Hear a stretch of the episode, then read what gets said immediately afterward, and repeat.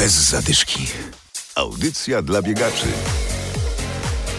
Moja klasa nienawidzi WF-u i e, robi wszystko, żeby na ten WF nie iść. Zmuszać czy nie zmuszać? Dziś w programie o tym, jak zachęcić dzieci do biegania. Adam Sołtysiak, Adam Michalkiewicz, zapraszamy.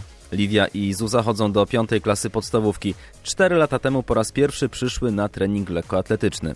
Trzy razy w tygodniu, w wtorki i w piątki biegam w akademii, a w soboty mam treningi biegowe, które prowadzę z moim trenerem Piotrem i z innymi dziewczynami. I najfajniejsza jest ta rywalizacja, ta szybkość i to wszystko. Najfajniejsze bieganie jest to, że można się wymęczyć i tak sobie wycisnąć całą e, energię. Ostatni mój sukces to czwartki lekkoatletyczne, gdzie pobiłam swoją życiówkę, no i zajęłam pierwsze miejsce.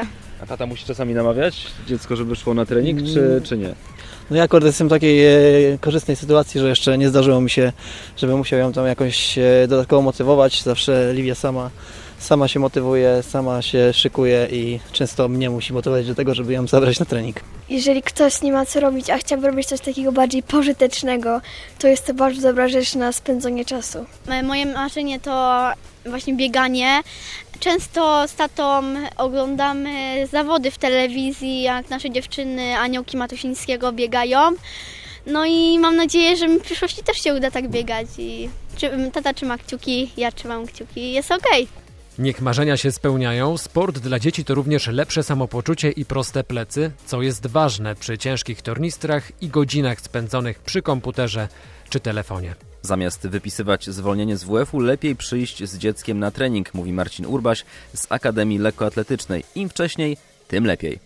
No ciężko jest zmusić dziecko, o, tyle o ile jeszcze z młodszymi dziećmi jest o wiele łatwiej, tak no starsze dziecko już decyduje samo. No najpierw trzeba przyjść z dzieckiem na taki trening, a często się pojawia sytuacja, w której dziecko nie chce na taki trening przyjść, bo, bo nawet nie wie co to jest za bardzo. I tu rodzic troszeczkę musi to dziecko przymusić, yy, ale no najlepiej się to robi jakoś zachęcając, nie? W, jak, w jakiś tam sposób nakręcając makaron na uszy dziecku, że to jest takie fajne, że tam się tak wiele różnych rzeczy dzieje, zobaczysz, będzie super. Niektóre dzieci chcą yy, tego ruchu i szukają czegoś dla siebie. Ci, którym nie pasują gry zespołowe, no to ewidentnie szukają czegoś indywidualnego. E, Lekkoatletyka jest właśnie takim sportem. Co więcej, jest to jedyny sport, który pierwsze, nie ma w nim wczesnej specjalizacji. Po drugie, rozwija dzieci wszechstronnie ogólnorozwojowo i nie powoduje jakichś braków w jakiejkolwiek dziedzinie. Nie od parady lekkoatletyka nazywana jest królową sportów, właśnie dlatego, że szkoli bardzo wszechstronnie i właściwie jest podstawą każdego innego sportu. Bez lekkiej atletyki nie ma piłki nożnej, nie ma koszykówki, e, nie ma siatkówki i bardzo wielu innych sportów. Pewnie będzie Wam łatwiej przekonać dziecko do aktywności, jeżeli sami biegacie. Wykorzystajcie ten weekend. Bez zadyszki.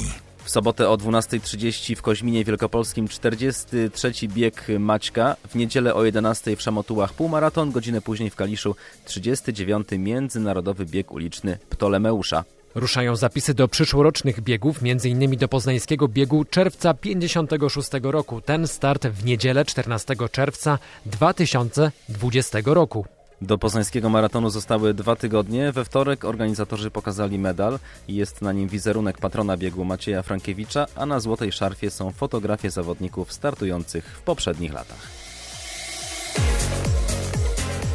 Bez zadyszki. Audycja dla biegaczy.